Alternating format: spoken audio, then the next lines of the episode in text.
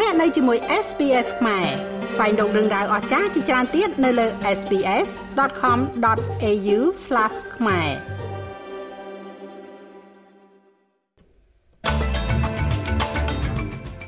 លោកនាយករដ្ឋមន្ត្រី Anthony Albanese ចូលរួមរំលែកទុក្ខដល់ក្រុមគ្រួសារស្ត្រីអូស្ត្រាលីម្នាក់ដែលបានស្លាប់នៅអ៊ីស្រាអែលលោក Pat Farmer បញ្ចប់ការរត់ចម្ងាយ14400គីឡូម៉ែត្រដើម្បីគ្រប់គ្រងសម្លេងជនជាតិដើមភាគតិចទៅកាន់សភា ការស្ទង់មតិថ្មីរបស់ Roy Morgan បង្ហាញថាការបោះឆ្នោត No នៅតែនាំមុខនៅក្នុងការបោះឆ្នោតប្រជាមតិ Voice Referendum លោកនាយករដ្ឋមន្ត្រី Anthony Albanese បានចូលរួមរំលែកទុក្ខដល់ក្រុមគ្រួសាររបស់ស្ត្រីជនជាតិអូស្ត្រាលីម្នាក់ដែលត្រូវបានសម្លាប់ដោយក្រុមសកម្មប្រយុទ្ធ Hamas នៅក្នុងប្រទេសអ៊ីស្រាអែលអំឡុងពេលការវាយប្រហារដ៏គួរឲ្យភ្ញាក់ផ្អើលមួយកាលពីចុងសប្តាហ៍ លោកយាយដែលកើតនៅស៊ីដនី គឺលោកយាយ Galit Carbon បានស្លាប់នៅគីប៊ូត1គីឡូពីតំបន់ Gaza Strip បន្ទាប់ពីក្រុមប្រយុទ្ធហាម៉ាស់បានបើកការវាយប្រហារតាមផ្លូវគោកនិងផ្លូវអាកាសដែលមិនធ្លាប់មានពីមុនមកមកលើតំបន់ភាគខាងត្បូងនៃប្រទេសអ៊ីស្រាអែលការវាយប្រហារនេះបានសម្លាប់មនុស្សយ៉ាងហោចណាស់1200នាក់នេះបើយោងតាមប្រព័ន្ធផ្សព្វផ្សាយរបស់អ៊ីស្រាអែល លោក Albanese និយាយថាការស្លាប់របស់លោកស្រី Carbon គឺជាសោកនាដកម្មហើយរដ្ឋាភិបាលកំពុងផ្ដល់ជំនួយដល់មនុស្សជាទីស្រឡាញ់របស់លោកយាយ Our sympathies go to uh, the family សូមផ្ញើការអាណិតអាសូររបស់យើងទៅដល់ក្រុមគ្រួសារនិងមនុស្សជាទីស្រឡាញ់របស់លោកស្រីហើយយើងចង់ឲ្យប្រកាសថាអ្នកគ្រប់គ្នាត្រូវបានជូនដំណឹងឲ្យបានត្រឹមត្រូវ មុនពេលធ្វើសេចក្តីថ្លែងការណ៍ជាសាធារណៈណាមួយក្រសួងការបរទេសនិងពាណិជ្ជកម្មកំពុងផ្ដល់នូវជំនួយផ្នែកកុងស៊ុលដល់ក្រុមគ្រួសាររបស់គាត់នៅក្នុងប្រទេសអ៊ីស្រាអែលប៉ុន្តែក៏មាននៅទីនេះក្នុងប្រទេសអូស្ត្រាលីនេះដែរយើងថ្កោលទោសយ៉ាងដាច់អហង្ការចំពោះអំពើខុសខើទាំងនេះនិងការវាយប្រហារមកលើជនស៊ីវិលស្លូតត្រង់ដែលបានកើតឡើង ការកើនឡើងកម្ដៅគួរឲ្យកត់សម្គាល់នេះគឺជាការឡើងកម្ដៅចុងក្រោយបំផុតនៅក្នុងការប្រយុទ្ធដែលកំពុងតែបន្តរវាងក្រុមហាម៉ាស់និងអ៊ីស្រាអែលដែលកើតឡើងនៅក្នុងចំនួនអ៊ីស្រាអែលនិងប៉ាឡេស្ទីនកាន់តែទូលំទូលាយយោធាអ៊ីស្រាអែលនិយាយថាខ្លួនកំពុងតែត្រៀមសម្រាប់ការវាយលុកនៅលើដីនៅតំបន់ Gaza Strip បន្ទាប់ពីការវាយប្រហារដ៏គួរឲ្យភ្ញាក់ផ្អើលមួយដោយក្រុមសកម្មប្រយុទ្ធហាម៉ាស់បានធ្វើឲ្យប្រទេសនេះរង្គោះរង្គើ គេជឿថាការវាយប្រហារដោយក្រុមអ៊ីស្លាមនិយមនេះបានសម្លាប់មនុស្សអស់ចង្ហោចណាស់1200នាក់នៅក្នុងប្រទេសអ៊ីស្រាអែលនេះបើយោងតាមប្រព័ន្ធផ្សព្វផ្សាយរបស់អ៊ីស្រាអែលជាការឆ្លើយតបទៅនឹងអំពើហិង្សានេះអ៊ីស្រាអែលបានបដិសេធអ្នកនៅតំបន់ហ្គាហ្សាមិនឲ្យទទួលបាននៅអាហារទឹកនិងអគ្គិសនីហើយបានទម្លាក់គ្រាប់បែកក្នុងតំបន់នេះជាមួយនឹងការវាយប្រហារតាមផ្លូវអាកាសដ៏ធ្ងន់បំផុតក្នុងប្រវត្តិសាស្ត្រនៃចំនួនអ៊ីស្រាអែលនិងប៉ាឡេស្ទីន តែបានសម្លាប់មនុស្សយ៉ាងហោចណាស់900នាក់នេះបើយោងតាមក្រសួងសុខាភិបាលរបស់ហ្គាហ្សាអង្គការសហប្រជាជាតិបាននិយាយថាយ៉ាងហោចណាស់មានមន្ទីរពេទ្យចំនួន2អាគារលំនៅឋានមួយចំនួននិងមជ្ឈមណ្ឌលចំនួន2ដែលគ្រប់គ្រងដោយក្រុមអធិការក្រហមប៉ាឡេស្ទីនត្រូវបានវាយប្រហារនៅក្នុងការបំផ្ទុះនេះ ប៉ូលីសរដ្ឋ New South Wales បានព្រមានក្រុមបាតកោថាការជួបប្រមូលផ្ដុំគាំទ្រប៉ាឡេស្ទីនជាលើកទី2ដែលក្រុងធ្វើនៅចុងសប្តាហ៍នេះមិនត្រូវបានអនុញ្ញាតទេវាកើតឡើងបន្ទាប់ពីរដ្ឋាភិបាលរដ្ឋ New South Wales លោក Chris Min សំទោសអភិបាលរដ្ឋ New South Wales លោក Chris Min បានបដិញ្ញាថានឹងរៀបរៀងការតវ៉ានៅទីក្រុង Sydney ដោយនិយាយថាការជួបជុំលើកដំបូងកាលពីយប់ថ្ងៃច័ន្ទនោះមិនបានធ្វើឡើងដោយសន្តិវិធីទេ សាក់សីបានរាយការណ៍មកថាមានបានលឺភាសាប្រឆាំងនឹងភាសា Semitic ពីអ្នកចូលរួមមួយចំនួនរួមទាំងការស្រែកច្រៀង Gas the Jew អ្នករៀបចំការប្រមូលផ្ដុំមកពីក្រមសកម្មប៉ាឡេស្ទីនបានថ្កោលទោសសកម្មភាពនៅអ្វីដែលពួកគេហៅថា ជាផ្នែកតូចមួយនៃអ្នកចូលរួមប្រឆាំងពួកសេមីទិកដ៏អាក្រក់ប៉ុន្តែនិយាយថាពួកគេមានសិទ្ធិនៅក្នុងការជួបប្រជុំដោយសន្តិវិធី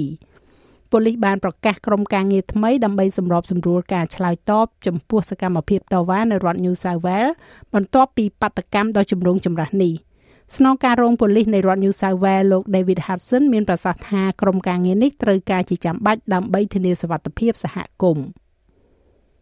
The intent of the operation is to ensure community safety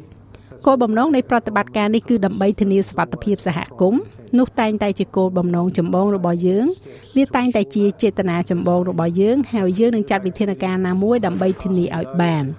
មានសកម្មភាពតិចតួចក្នុងរយៈពេលប្រហែលថ្ងៃកន្លងមកនេះហើយយើងជឿថានឹងបន្តទៅអនាគតដ៏ខ្លីខាងមុខ។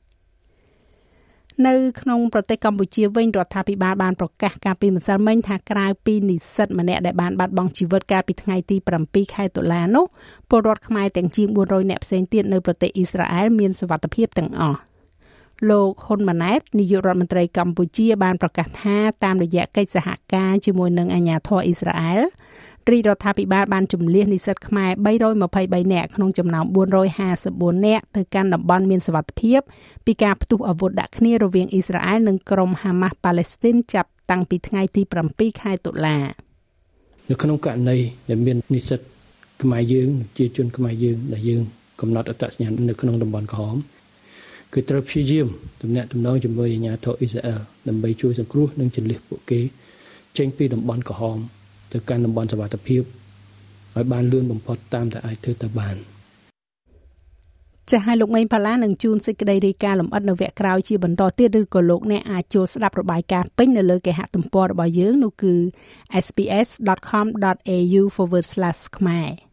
ឥឡូវយើងងាកមកមើលក្នុងប្រទេសអូស្ត្រាលីយើងជាបន្តទៀតលោកនាយករដ្ឋមន្ត្រី Anthony Albanese បានស្វាគមន៍អ្នករត់ម៉ារ៉ាតុងនិងជាអតីតសមាជិកសភាគណៈបក Liberal គឺលោក Pat Farmer នៅពេលដែលលោកបានបញ្ចប់ការរត់សម្រាប់សម្លេងឬក៏ Run for the Voice របស់គាត់នៅ Uluru លោក Farmer បានទៅដល់ Uluru បន្ទាប់ពីរត់ចម្ងាយ14400គីឡូម៉ែត្រជុំវិញប្រទេសដើម្បីលើកទឹកចិត្តប្រជាជនអូស្ត្រាលីឲ្យគ្រប់គ្រងសម្លេងជនជាតិដើមទៅកាន់សភានៅក្នុងការបោះឆ្នោតប្រជាមតិខាងមុខនេះ។លោកនិយាយថាការធ្វើដំណើររបស់លោកជុំវិញប្រទេសនេះបានបង្រៀនឲ្យលោកជាច្រើនហើយមានតែការពង្រឹងការគ្រប់គ្រងរបស់លោកចំពោះសំណើ The Voice ដែលលោកជឿថាអាចបង្រួបបង្រួមប្រជាជនអូស្ត្រាលី។ And when you start to understand the meaning of this country you understand ហើយនៅពេលដែលអ្នកចាប់ផ្ដើមយល់ពីអត្ថន័យនៃប្រទេសនេះ អ្នកយល់យើងមិនបោះជំហានថយក្រោយទេ យើងគ្រាន់តែដើរទៅមុខប៉ុណ្ណោះដូច្នេះហើយនៅថ្ងៃសៅរ៍យើងមានឱកាសរៀនពីកំហុសពីអតីតកាលដើម្បីកែកំហុសទាំងនោះនិងឆ្ពោះទៅមុខរួមគ្នាតែមួយ ដើម្បីឆ្ពោះទៅមុខជាមួយគ្នាតែមួយ together as one ការបោះឆ្នោតប្រជាមតិនឹងធ្វើឡើងនៅថ្ងៃសៅរ៍ទី14ខែតុលាខាងមុខនេះ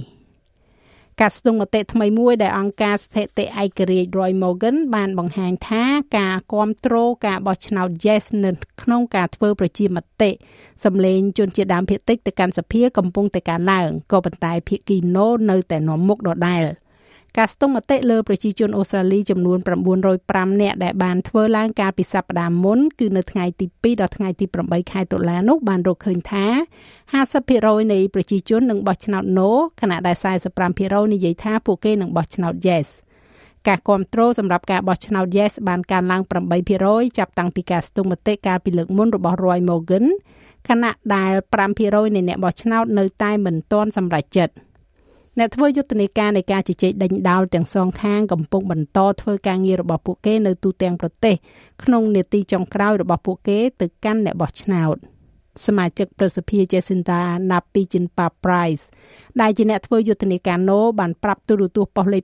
9ថាលោកស្រីនឹងមានអារម្មណ៍ធូរស្រាលនៅពេលដែលការបោះឆ្នោតប្រជាមតិបានបញ្ចប់។ depending on what the result is I guess there's still a lot of work ពីអាស្រ័យទៅលើលទ្ធផលយ៉ាងណានោះខ្ញុំគិតថានៅមានការងារជាច្រើនដែលត្រូវធ្វើបន្តទៅមុខ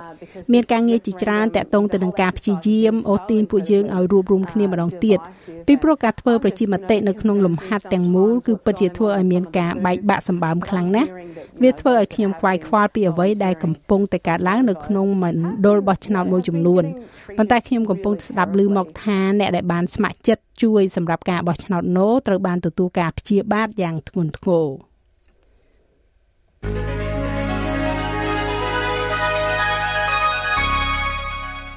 យើងក៏លេខមកមើលការព្យាករណ៍អាកាសធាតុសម្រាប់ថ្ងៃប្រហ័សស្អែកនេះវិញ នៅទីក្រុងផឺតបើកថ្ងៃ27អង្សា នៅ Adelaide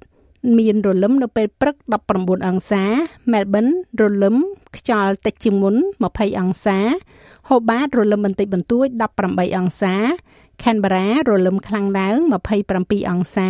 Sydney មានរលឹមនៅពេលយប់32អង្សា Brisbane ភាគច្រើនបើកថ្ងៃ28អង្សា ទីក្រុង Cairns មានពពកដោយពេល30អង្សា នៅ Darwin ភាគច្រើនបើកថ្ងៃ35អង្សា ទីក្រុងភ្នំពេញ មានផ្គររលឹម33អង្សា